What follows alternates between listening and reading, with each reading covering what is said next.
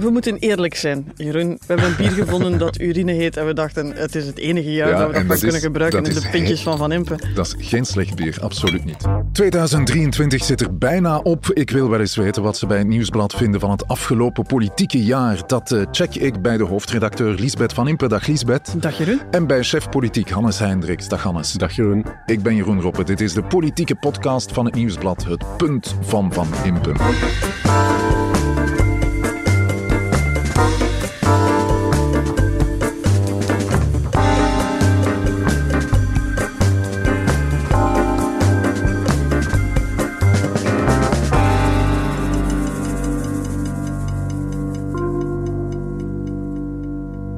Een tafel vol bier voor de laatste van het jaar. Want de traditie wil natuurlijk dat we pinten uitreiken aan de hoofdrolspelers van eh, de We doen politiek dat in ons land. Symbolisch, en we doen dat gewoon omdat er in Ja. België zoveel bieren zijn met grappige namen dat die perfect horen We bij hadden het ook op een van... bierfiets kunnen zitten eigenlijk. Hè. Nee, Hannes, we hadden niet op een bierfiets kunnen zitten.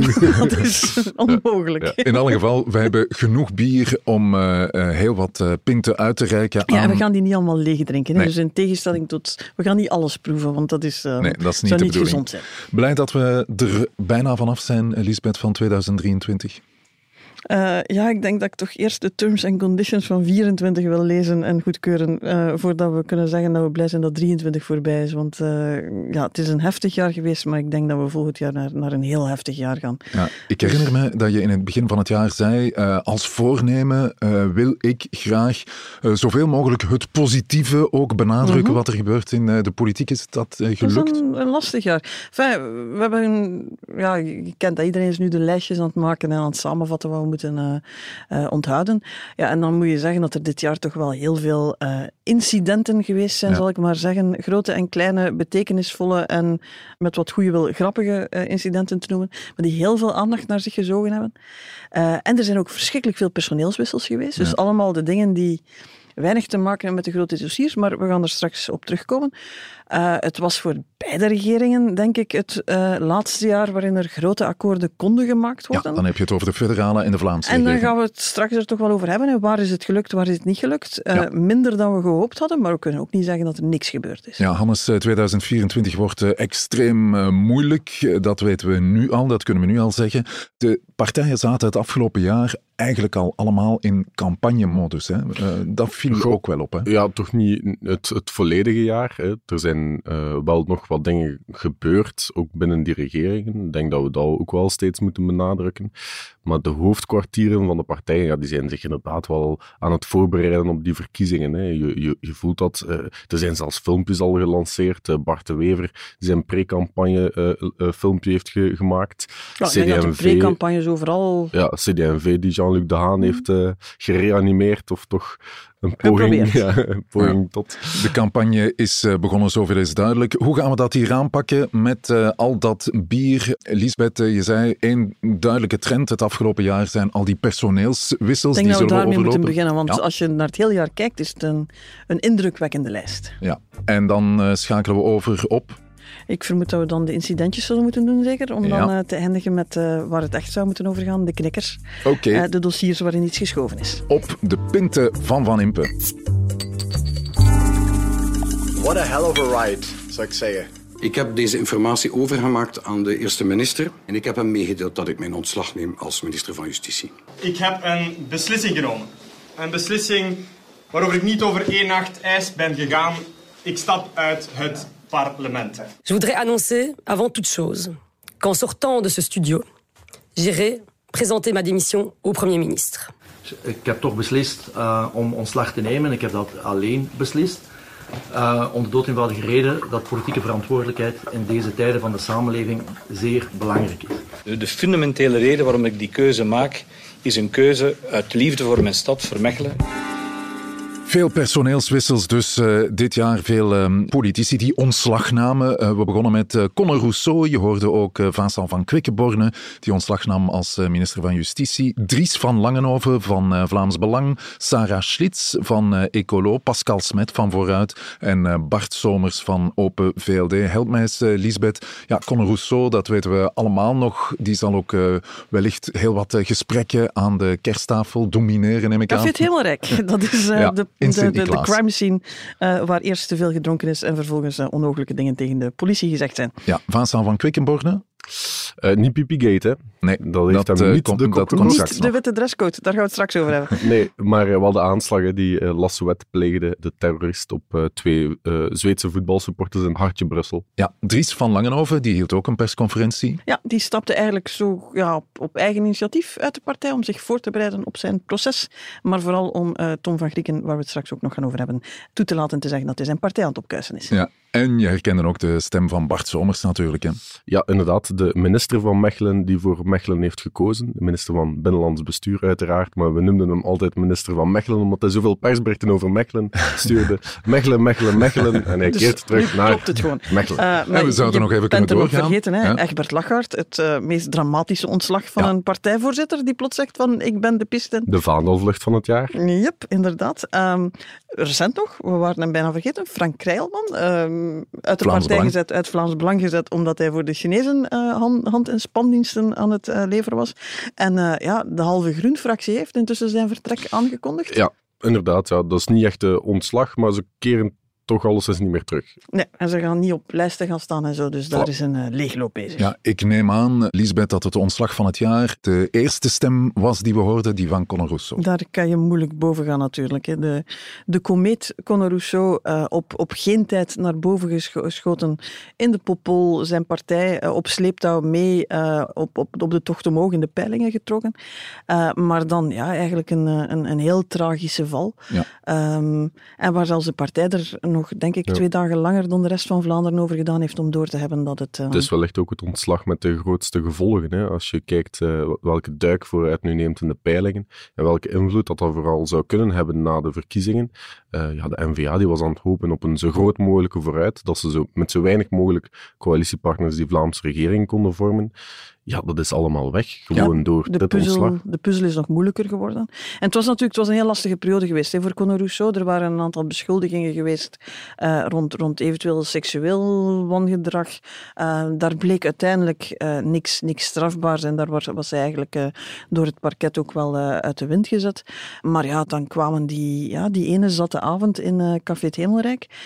Maar eigenlijk veel schadelijker natuurlijk, omdat het niet alleen hemzelf beschadigde, maar ook de partij. De partij stelt zich in debatten antiracistisch op natuurlijk, ja. wil daar het, het, het, Vlaamse Belang mee matrakeren.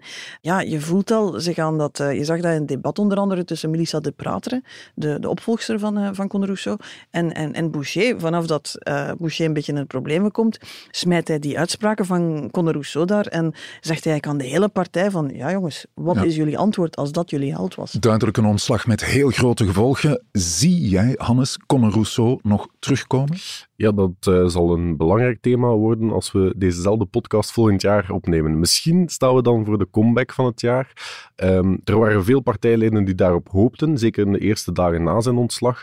Maar nu horen we toch wel andere geluiden van, ja, Conor Rousseau, hij gaat ook wel effectief iets anders doen de komende maanden. Dus hij gaat zich op uh, de marketing uh, smijten. De kans dat hij wegblijft uit de politiek, die bestaat wel. Ja, en voor de verkiezingen gaan we hem zeker niet uh, terugzien, neem ik denk, Nee, dat moet nog beslist worden. Hè. Hij, is, hij kan nog, nog altijd worden, ja. lijsttrekker zijn in Oost-Vlaanderen. Die plaats houden ze voorlopig nog even open. Dus ik ga ervan uit dat we in januari, ten laatste februari, gaan weten of hij dat doet, doet of niet. Maar ja, je gaat van godekind, degene die, die alles wat hij aanraakt in goud verandert, naar iemand die zich ja, een weg terug moet knokken. Uh, een beetje meer in de ja. schaduw. Uh, en ook ja. verschillende partijleden die nu zeggen, ja, eigenlijk voor ons hoeft hij niet terug te komen voor de, voor de verkiezingen. Want inderdaad, ja, dan gaan we nog in een moeilijkere positie naar die debatten. Ja, ik heb hier iets voor mij staan wat wel past bij het ontslag van het jaar, denk ik, voor Conor Rousseau. De Sans Pardon. Ja, een heel goed zal, neergezet. Denk ik zichzelf pardon moeten geven. Zijn partij zal het doen als hij het uh, doet. Maar uh, op dit moment is even sans pardon terug naar uh, de achterste bank. Het punt van Van Impe.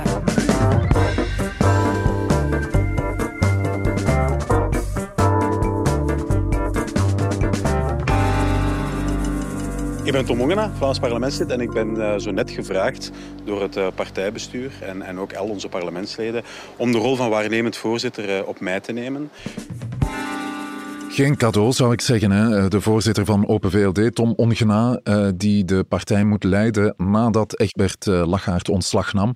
De partij van de premier scoort bijzonder slecht in de peilingen. Al die eh, personeelswissels, dat helpt ook niet, hè, Lisbeth. Ja, kijk, we hadden hier het biertje Waterloo gevonden. We dachten dat past dit jaar, toch zeker tweede jaarhelft, nogal bij de Open VLD. Het is echt een soort van implosie geweest. Hè. Nooit gezien. Je hebt een partij die de premier levert, waar dan de, de voorzitter echt gaat lopen, omdat hij zegt van ik, ja, ik word hier, er, wordt niemand, er is niemand die naar mij luistert en, en ik heb hier geen pak op en we zouden rechts en we zouden links en we moeten, zouden hoger en lager moeten zitten. Die gaat lopen, die krijgt eigenlijk ongeveer onmiddellijk wordt zijn badge afgepakt en zijn sleutels, uh, wordt er een ander slot opgezet. Uh, zeggen ze, hier is Tom Ongena, uw nieuwe voorzitter, waarop de helft van de partij in, in een kramp gaat en zegt van, maar de statuten en noem maar op. Dan blijkt we hebben daar een, een, een schapenhoeders uh, interview gehad met Jean-Marie de Dekker en Egbert Lachart. Dat daar langs alle kanten gesproken is, dat daar plannen geweest zijn, of, of, of tenminste pistes van uh, kunnen we eigenlijk misschien zelfs de, de, de Open VLD zo uithollen dat daar wie weet zelfs geen meerderheid overblijft. Drama langs alle kanten. Eva de Bleker komt daar weer als ampe huppelt over het podium. Allee, bedoel, een deconfituur tot en met. En dan krijg je twee sterke ministers. Vincent van Quickenborne die moet ontslag nemen na um, ja, die terroristische aanslag, die daar denk ik de juiste inschatting maakt. Wordt daar meteen een, eh, een opvolger gezet, weer de partij op, ja. opstelten. En uh, Gwendoline Rutten die ontslag neemt. En dan Bart Somers die vertrekt en dan Gwendoline Rutten die terugkeert. Ik moet zeggen, het, je kan het niet verzinnen als je het scenario zou willen schrijven. De implosie van uh, Open VLD met al die personeelswissels natuurlijk, Hannes. Maar is het niet begonnen bij de keuze van Open VLD om in deze regering te stappen en de premier te leveren als uh, kleinste partij. Ja, ik denk dat dat de grootste strategische fout uh, van zowel Egbert Lachaert, Alexander de Croo uh, ooit is geweest. Misschien zelfs nog meer dan in 2010, als de, de stekker uit de regering hebben getrokken. Um, ja, was dit die keuze voor Vivaldi? Ja, iedereen binnen de partij weet, als je dat gaat doen, we kiezen voor Vivaldi, we leveren de premier, dan moet je dat ook verdedigen. Herbert Lachaert heeft de regering mee gevormd, is dan vervolgens begonnen om die regering af te vallen of zijn eigen verhaal te proberen schrijven.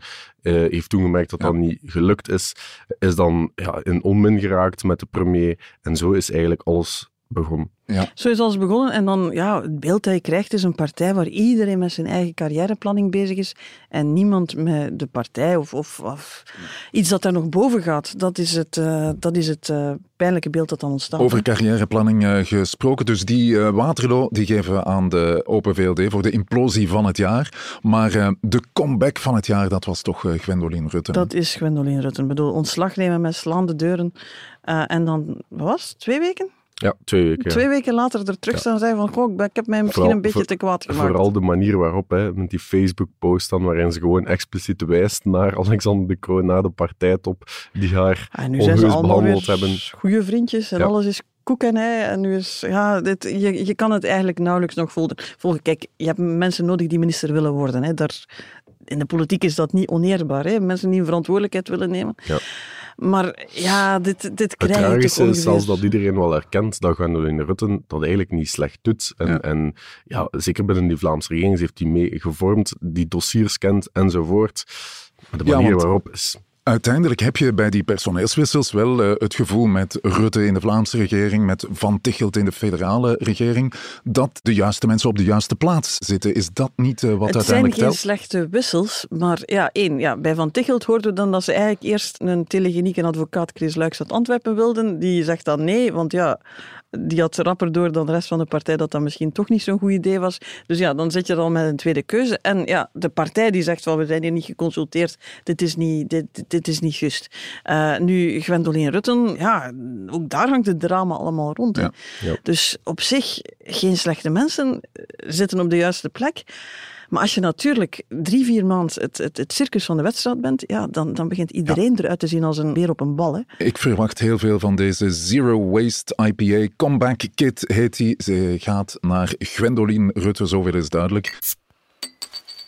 Ik denk dat iedereen wel aanvoelt, en ik in de eerste plaats, het kan verkeren in het leven.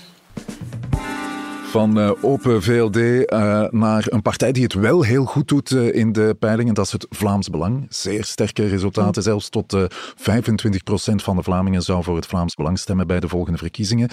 is er iets dat een zege van het Vlaams Belang nog in de weg kan staan in 2024, Hannes? Goh, heel moeilijk, denk ik. we hebben nu de voorbije week gezien dat zelfs de banden van een prominent Vlaams Belang-politicus, want ze doen nu een beetje nadat de gemeenteraadslid van uh, ergens geen erachter was.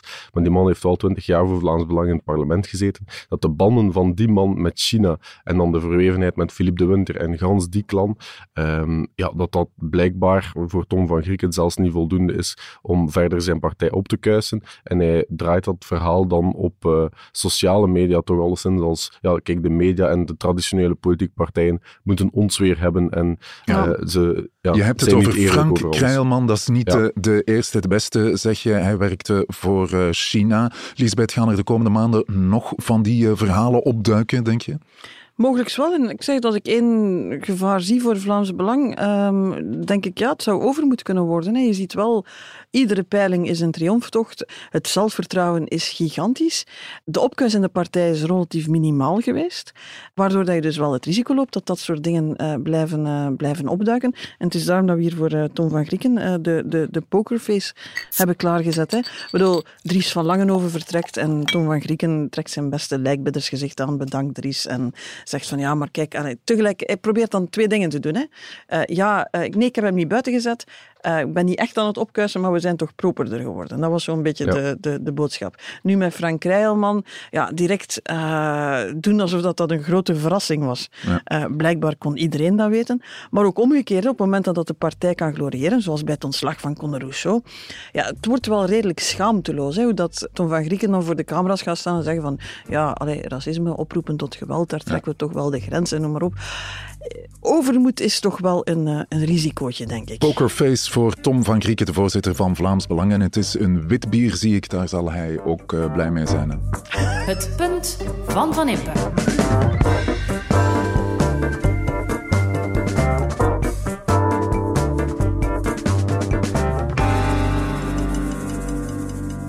Veel personeelswissels het afgelopen jaar, maar uh, ook uh, opvallend veel uitschuivers, uh, flaters, bloepers. Er ging wel wat fout in 2023. En dat valt op als je er de punten van Van Impe van het afgelopen jaar bijhaalt. Laten we beginnen met deze. dus op een bepaald moment leun ik achterover en maak ik een beweging.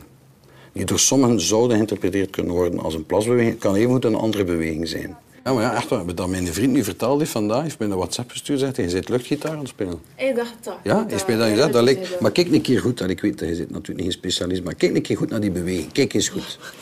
Kijk eens goed. Dat lijkt op luchtgitaar. Ik weet niet goed uh, wie nu eigenlijk verantwoordelijk is voor het plasincident van het jaar. Het zou Vincent van Quickenborne kunnen zijn die luchtgitaar speelde nadat uh, gasten van hem tegen een politiecombi hadden geurineerd. Daar hebben we het over de gekste discussie die we dit jaar gevoerd hebben. Is het luchtgitaar? Is het... Oh man. Welke liedjes speelde hij op de luchtgitaar? uh, maar het zou natuurlijk ook Theo Franke kunnen zijn, hè, die in het centrum van Brussel urineerde in een openbare bloembak. We moeten eerlijk zijn, Jeroen. we hebben een Je bier hebt dat gevonden. ook al gedaan? Ah nee, oké. Okay. We hebben een bier gevonden dat urine heet. En we dachten, het is het enige jaar ja, dat we dat, dat kunnen is, gebruiken in de pintjes van Van Impe. Dat is geen slecht bier, absoluut maar, niet. Uh, misschien hebben we er intussen meer dan genoeg woorden aan vuil gemaakt. Ja. En dan denk ik gewoon, ijs voor Vincent van Quickenborne. Dat hele, maakte uiteindelijk toch het meeste indruk op jou? Als, als je in staat bent om een... We zijn ooit begonnen bij Watergate. Hè? Daar is een Amerikaanse president voor afgetreden. Als je in die lange traditie van de gates Pipi-gate kan lanceren, dan denk ik dat je deze ja. verdiend hebt. Oké, okay, dat is uh, ook duidelijk. Die gaat naar uh, Vincent van Quickenborne. Klaar om slim om te gaan met je geld? Luister dan naar Geldwijs, de beleggingspodcast van Krelan. In acht afleveringen maken wij je wegwijs in de wereld van beleggen en zorgen we ervoor dat ook jij sterker in je financiële schoenen staat. Want geloof het of niet, beleggen is niet alleen voor de happy few. Als je je goed informeert, is het een manier om gestaag je vermogen te laten groeien. En daarvoor zijn wij er. Zoek naar Geldwijs, abonneer je op onze podcast en laat je financiële reis beginnen. Krelan, daar wordt u beter van. Ik zie hier ook een malheur staan. Dat is een van de bekendere bieren. Een malheur kunnen we geven aan de uitschuiver van het jaar.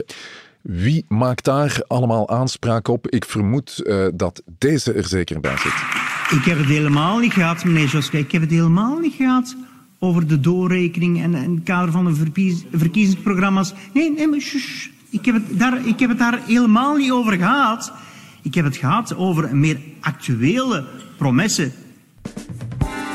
Minister Wijts met een uh, zeer onduidelijke repliek in het Vlaams parlement. We hebben gedronken, we hebben niet gedronken. Het leek een beetje of we gedronken hebben. We hebben alle mogelijke uh, excuses gezien. Ben Wijts zei het is uh, smerig ja. een achterklap. Klopt niks van, maar het was een heel gekke passage. Ja, zelfs mensen binnen zijn partij zeiden ja, dat hij echt al te diep in het glas gekeken had. Ik herinner mij ook een foto van een, een paar maanden geleden, Lisbeth, van een meeting met staatssecretaris Michel. En die stuurde die foto de wereld in op een zondagochtend. Ja, Michel die wou bewijzen dat hij uh, wel degelijk werkt. Um, Hard werkt. Ja, ja. Vroeg op de ochtend. We hebben ook geprobeerd om op te lijsten wat de verwezenlijkingen van Mathieu Michel allemaal zijn, maar daar zijn we niet in geslaagd. Maar we weten dus wel dat hij graag leffen drinkt. Ja, want dat staat op die foto. Uh, je ziet op die foto uh, staatssecretaris Michel met een aantal mensen aan het vergaderen. En zondagmorgen ook... hard aan het werk.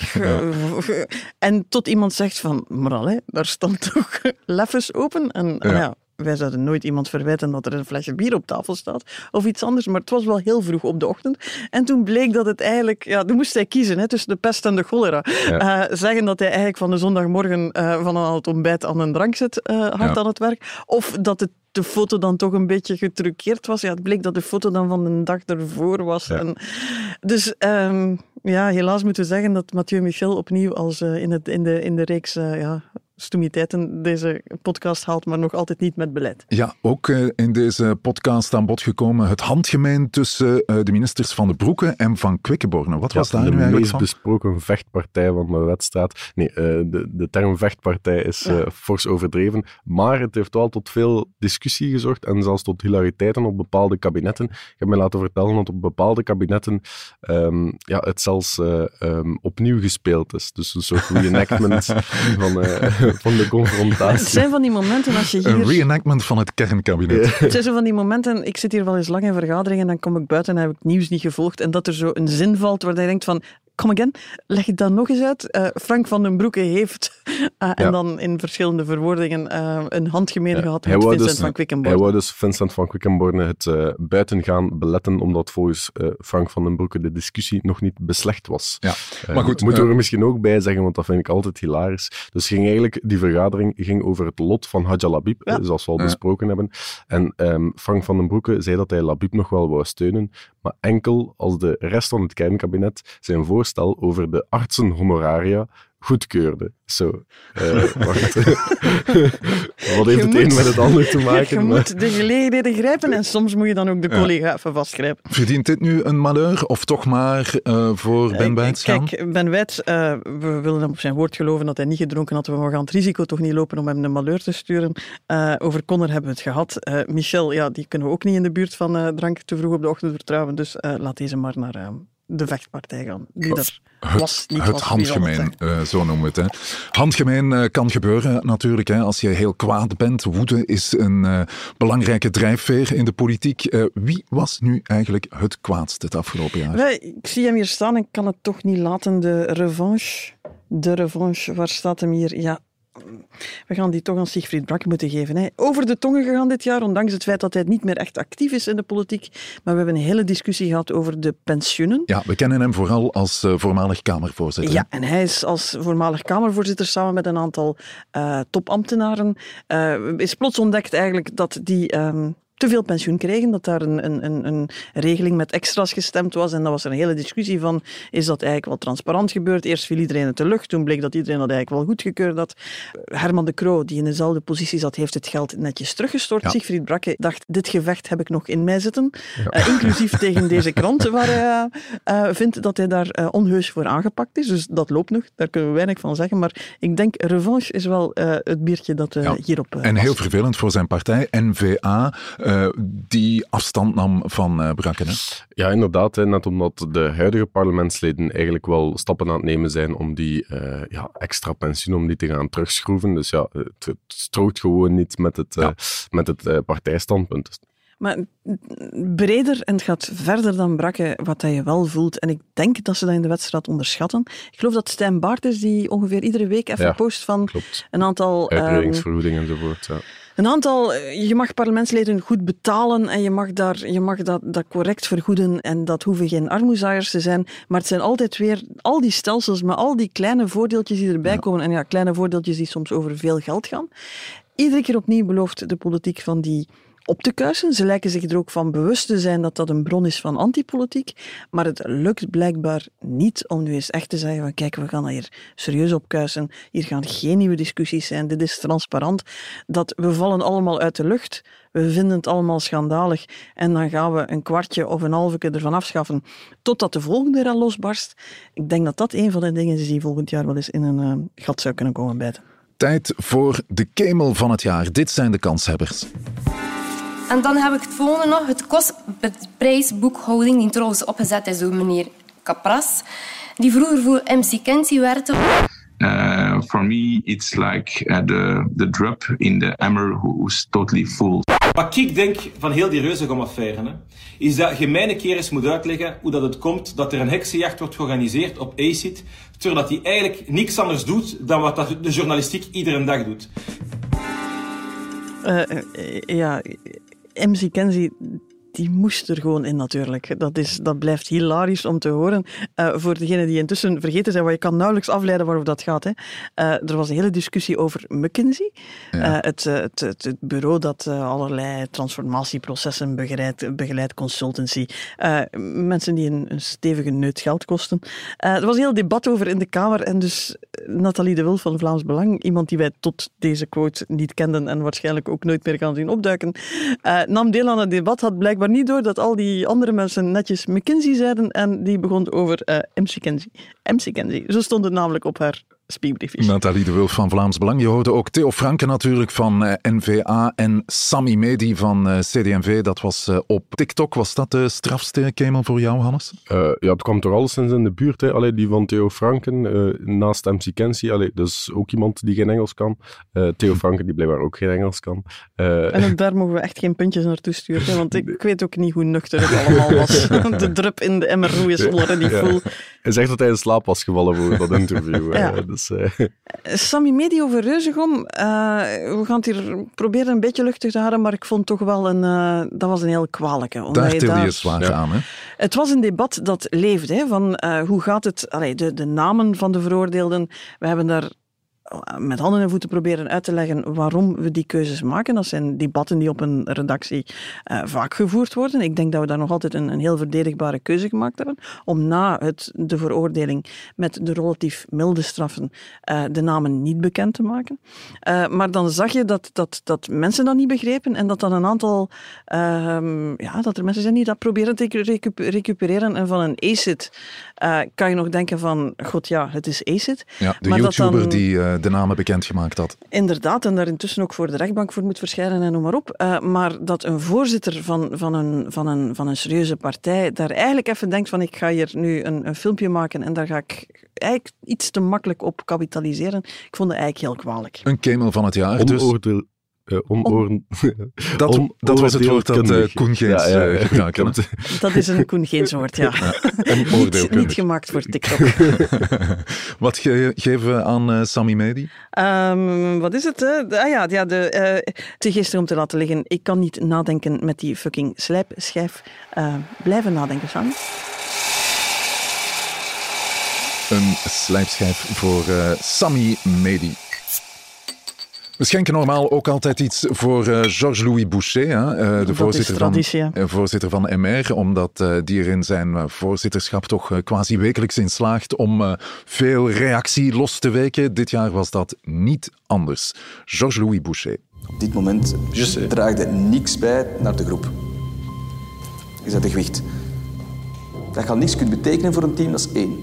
Maar dat je het team tegenwerkt, ja, dat is not done keiharde terechtwijzing uit het uh, programma Special Forces op uh, eh, VTM was dat bijzonder gênant voor uh, Boucher. Maar was het eigenlijk wel zijn meest gênante moment? Want er waren er nog. Hè? Op zoek naar het cringe moment van het jaar kwam ik Boucher versus Boucher uit. dat is, Special Forces was erg. Voor de mensen die het niet gezien hebben, zo'n programma waar ze BV's in dit geval wal ook, um, ergens droppen in Marokko en die dan een heel zware training laten volgen. Die hadden zich daar moeten op voorbereiden. We hebben daar mensen zien afzien tot het uiterste gegaan en we hebben uh, Georges-Louis Boucher daar vooral zien wandelen. Ja. Uh, de, de groep werd constant gestraft omdat hij te laat binnen was, omdat hij... Ja, het, was, het was gênant. Ja, het was bijzonder uh, gênant. Ja, zijn deelname. iets uh, met zijn fysiek te maken had ook. Hè. Het ging echt over zijn ingesteldheid, ja. zeiden die mensen die dat begeleiden. Hij was geen teamspeler. Hij, ja, het was, hij werd echt voorgesteld als saboteur. En, ja, ja en, er waren nogal wat mensen en geen wilskracht. Uh, en, in de wedstrijd die, die zeiden, nou ja, kijk, nu ziet de, de gemiddelde Vlaming de echte Georges Louis Boucher. Voilà, hij had kunnen scoren voor een Vlaams publiek, maar dat deed hij niet. O nee. Onlangs deed hij... Ja, Oké, okay, je kan nu nog zeggen, de man wil premier worden en ja. je moet niet kunnen een trektocht van 40 kilometer door de woestijn doen om premier te worden. Ook niet, het zou fijn zijn als je een heel klein beetje Nederlands zou kunnen. En dat ja. is dan het tweede cringe moment hier in Antwerpen. Hij kwam campagne voeren. Nu, stel je niet te veel bij voor. Het was een fiets met een plakkaat op. Uh, daar stond een uh, slogan op. Uh, 50 tinten links. En, um, en wij, dus de MR tegenover de andere Waalse partijen. Toen vroeg iemand je ziet het niet komen dat het een geniale ingeving is hè, om aan Georges-Louis Boucher te vragen om dat even voor te lezen hmm. in het Nederlands. En dat klonk iets als 15 tienen ja, links. Het wil maar niet lukken, het uh, Nederlands van uh, Georges-Louis Boucher. Dus de Special Forces zeggen iets over het karakter, het andere iets over hoe hard hij toch Nederlands aan het studeren is. Beide zijn geen goede reclame ja. voor een toekomst. En zo hebben we in toch, zijn eigen hoofd. Ja, zo hebben we het toch maar weer uh, over Georges-Louis Boucher, net zoals de, de voorbije jaren, denk ik. het is natuurlijk iemand met een heel duidelijke mening, een heel duidelijke positie in het politieke landschap, maar ook een enorme manifestatiedrang. Ja. Vandaar. Ah, vandaar die enfant terrible. Terrible. terrible. Een, het is slecht Frans, ook dat. Ja. Ja, uh, want het is een uh, triple, neem ik aan. Stevig ja, maar in het Frans, dus. hij zal het waarschijnlijk wel begrijpen. ça va, et on va continuer à progresser, mais ça va. Het punt van Van Impe.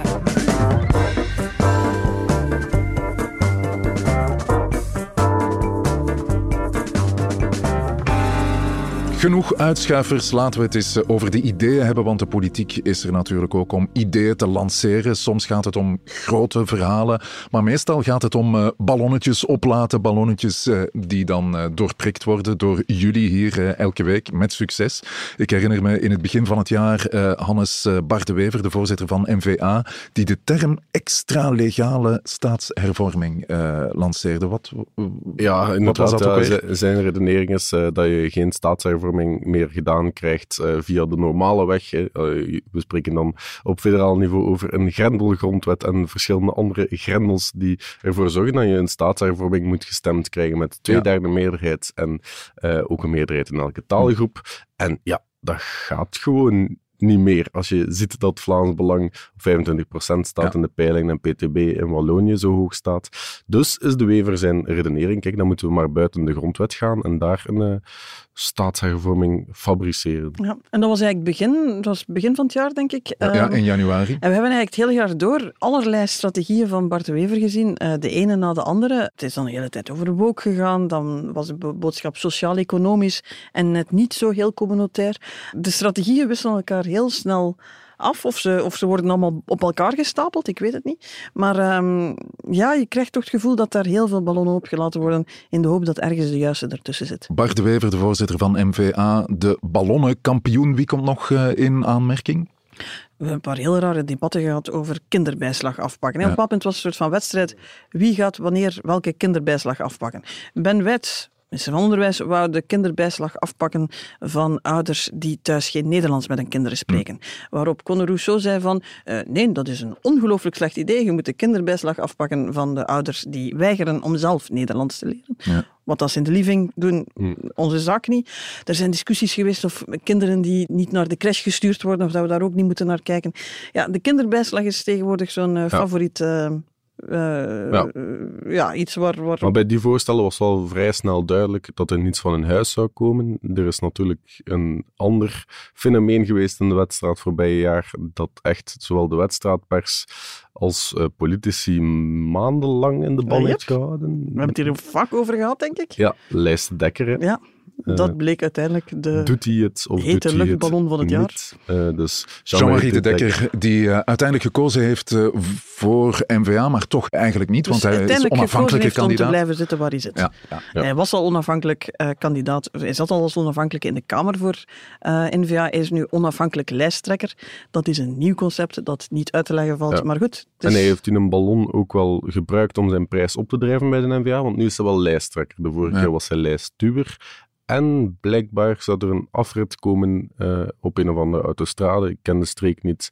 Maar naar Hannes, zijn Hannes, je mocht dat zo niet zeggen. gemeente als je, Middelkerken. als je in het parlement zit, dan kunt je je gemeente laten wegen Ah, in ja, Brussel. Dat is het. Ja. Zo krijg je een afrit. Ballonnetjes die worden heel vaak opgelaten in een interview. Jij interviewt wel vaker bekende politici, Hannes. Je deed dat ook met eh, Jo Broens, maar dat Ja. werd een spookinterview. Dat is een nieuw woord. Hè? Ja, Eh, inderdaad. ja. Ja. Ja, dat is eh, wel een cool woord eigenlijk. Eh, ik denk niet dat ik het zelf heb uitgevonden, maar wat, ik denk dat Ivan de Vadder het, eh, het gelanceerd heeft op de radio. Maar bon, inderdaad, ik heb eh, een interview... Een van je meest besproken interviews, Hannes, Ja. ondanks het feit dat niemand het gelezen heeft. Klopt. Ik heb op een gegeven moment een interview gedaan met Jo Broens, de minister van Landbouw, midden in de stikstofonderhandelingen, waarin hij de stekker uit de stikstofonderhandelingen trok. Maar dat interview is nooit gepubliceerd. Maar dat interview is nooit gepubliceerd, omdat twee dagen later er plots een akkoord over stikstof was. Ik zat dus met een eh, gat in de krant, eh, een deuk in mijn ego. Nee, dat is niet waar, maar... Eh, als we het over het deuken en het ego hebben, als we het over ballonnetjes van dit jaar hebben, kunnen we ook de kleine, relatief mislukte, we moeten daar eerlijk zijn, korte broekenrevolutie van Hannes Hendricks op deze redactie Ja. niet onvermeld laten. Even ook voor- deze podcast gehaald. Voor alle duidelijkheid, dus Hannes zette de tegenstellingen op deze redactie even op scherp. Ehm, De Ja, is- tegenstellingen is- tussen de hoofdredactie Het is en... al langer en- de vraag of dat we een oudbollige krant willen zijn met een oudbollig imago dat alleen maar oude weer, mensen? Nu aanspreekt. weer. Of een eh, jonge krant dat inzet op nieuwe platformen, eh, jonge mensen stemmen geeft. Hannes, hoe vaak heb ik jou nog in een korte broek hier zien passeren? Is winter, Elisabeth. Allee, nee, bedoel... Ja, de rest maar- van de zomer ook niet. Eh, Maar eh, heb je al een plan, Hannes, voor volgende zomer? Want eh, het belooft weer een eh, erg warme zomer te worden. Ehm, wat, zijn, wat zijn de plannen? Goh, Ja, je kunt nog altijd korter gaan dan een korte broek natuurlijk. dus, eh, Let's not. Oké, het ballonnetje van het jaar. ehm 9000 woorden. eh, Ja, we heet hebben dat een, een met een lange titel. Ja. 9000 woorden amper geluisterd. Ik denk dat die naar Jean-Marie moet gaan. Jean-Marie de Dekker eh, voor het ballonnetje van het jaar. Fantastisch. Eerlijk, wij begrijpen elkaar met heel weinig woorden. Het punt van Van Impe.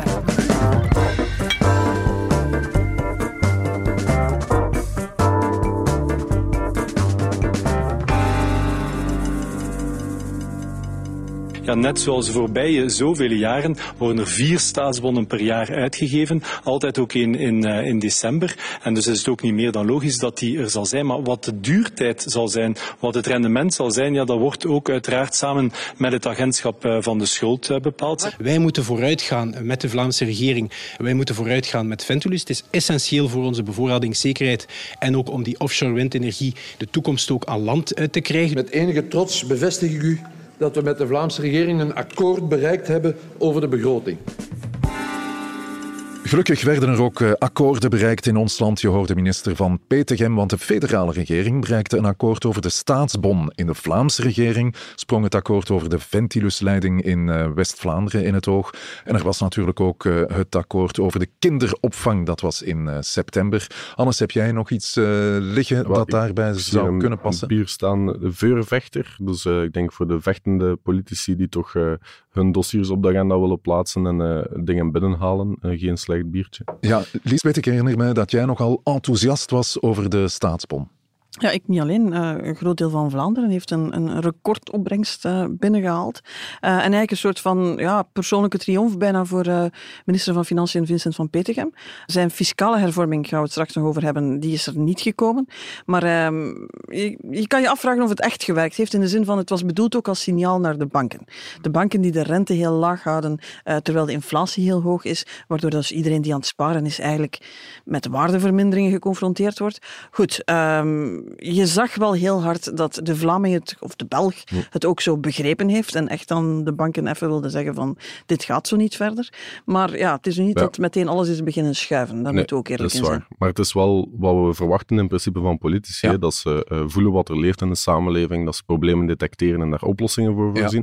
Voorzien. hebben we bijvoorbeeld ook gezien bij de kinderopvang. Ja, Eh, dan zitten we op het Vlaamse niveau. ja, waar er een, een, een hele crisis zich ontwikkeld heeft de, de voorbije jaren, eh, zowel op het gebied van veiligheid als, als personeel, wat eigenlijk eh, de vorige minister Waterbeke totaal verkeerd heeft ingeschat, en dan eh, eh, zich vervolgens bleef vasthouden aan zijn stoel, zien we nu wel dat CD&V die switch gemaakt heeft en dat Hilde Krevits een record aantal eh, miljoenen heeft binnengehaald Ja. ehm, bij de laatste Vlaamse begroting. Het was broodnodig. Het is zo belangrijk, ook voor mensen die gaan werken, eh, voor, voor iedereen die, die, die die kinderen kwaliteitsvolle opvang wil geven. Voor die kinderen zelf is het belangrijk. Even leek het alsof het toch weer zou gegijzeld worden in ja, partijen die elkaar onder druk zitten te zetten met dat als inzet. Elkaar niet laten scoren, dat zijn dingen die we in de wedstrijd wel eens zien. Maar hier hebben ze dan toch eigenlijk zichzelf terug samengeraapt. En tegen dat de septemberverklaring er was, hè, dat Ja. was daar eigenlijk het grote punt eh, in september, eh, konden ze toch echt wel met een, met een mooi akkoord over de kinderopvang uitpakken. Ja, nog een akkoord binnen de Vlaamse regering was het Ventilus-akkoord. Hoe schat je dat in, eh, Hannes? Ja, dat is gewoon een noodzakelijke eigenlijk. Eigenlijk is dat, eh, en vond ik dat persoonlijk hallucinant dat dat een politiek dossier werd, want het is gewoon, ja, we hebben heel veel capaciteit op zee in de vorm van windmolens eh, gebouwd en we moeten die capaciteit aan land krijgen om gezinnen te voorzien van energie. En die Ventilus hoogspanningslijn die moest er komen. Daar was lokaal verzet, eh, wat eh, weggemasseerd moest worden. En dat is gebeurd. Eh, Ja. Dat eh, heeft de Vlaamse regering gedaan. Eh, weliswaar redelijk traag, maar het is wel gebeurd. Genoeg eh, voor een veurvechter, Lisbeth? Of is dat eerder iets voor eh, Vincent van Petegem?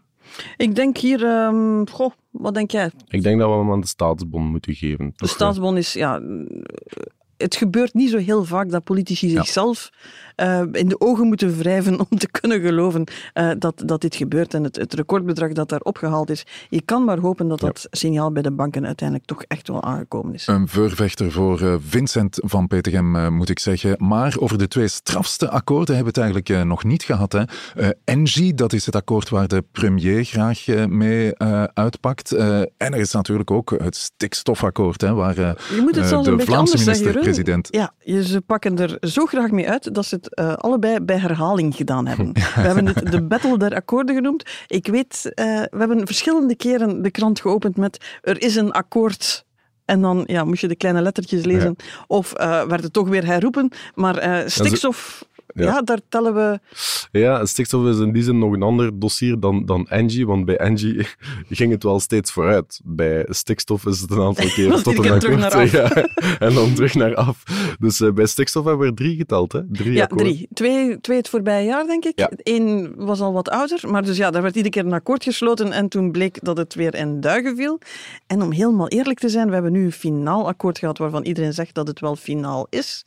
Maar mocht het Oh, ooit het terug op de tafel zeker nog terug op, bij de volgende regering. Ja, terwijl Engie, daar hebben we zo een paar keer van, ze zijn er dichtbij en er waren heel veel deadlines en noem maar op. En een Ja, paar da- keer van... Daar viel vooral zo eh, de creativiteit in woorden op, zo de Ja. letter of intent Ja, die dan het memorandum met- dingen. En ja. Ja. iedere keer opnieuw werd er wel iets getekend, maar dan bleek dan toch niet het definitieve akkoord te zijn. Maar Dan een keer een eh, handtekening en potlood, dan is een pen eh, met pen. Ja, maar voor de twee kerncentrales die open blijven, zijn we nu denk ik wel rond. Ik voel het al, voor jullie is het eh, akkoord met Engie de winnaar van de Battle der Het is akkoorden. een moeilijke, maar aangezien wij voor de zekerheid ervan uitgaan dat stikstof nog wel eens terugkomt, dat dat misschien het, het minst definitieve akkoord is, eh, terwijl het ook al vaak aangekondigd is, dan eh, denk ik dat we dubbele inzet, het biertje dubbele inzet, Ja. op dit moment aan, aan Engie moeten geven. Oké, we hebben een winnaar in de Battle der akkoorden en daar gaat de dubbele inzet naartoe.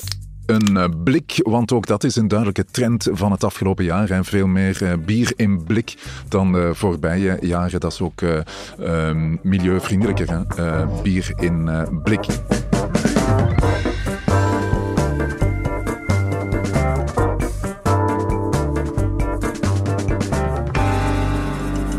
Dan nog niet akkoorden, die waren er ook. Het was te denken, we hebben hier nog één bier staan en eh, dat is de Passions. En als je de politiek Geduld. in dit land volgt, dan moet je wel eens wat eh, geduld opbrengen. Dus ehm, fiscale hervorming is er niet gekomen.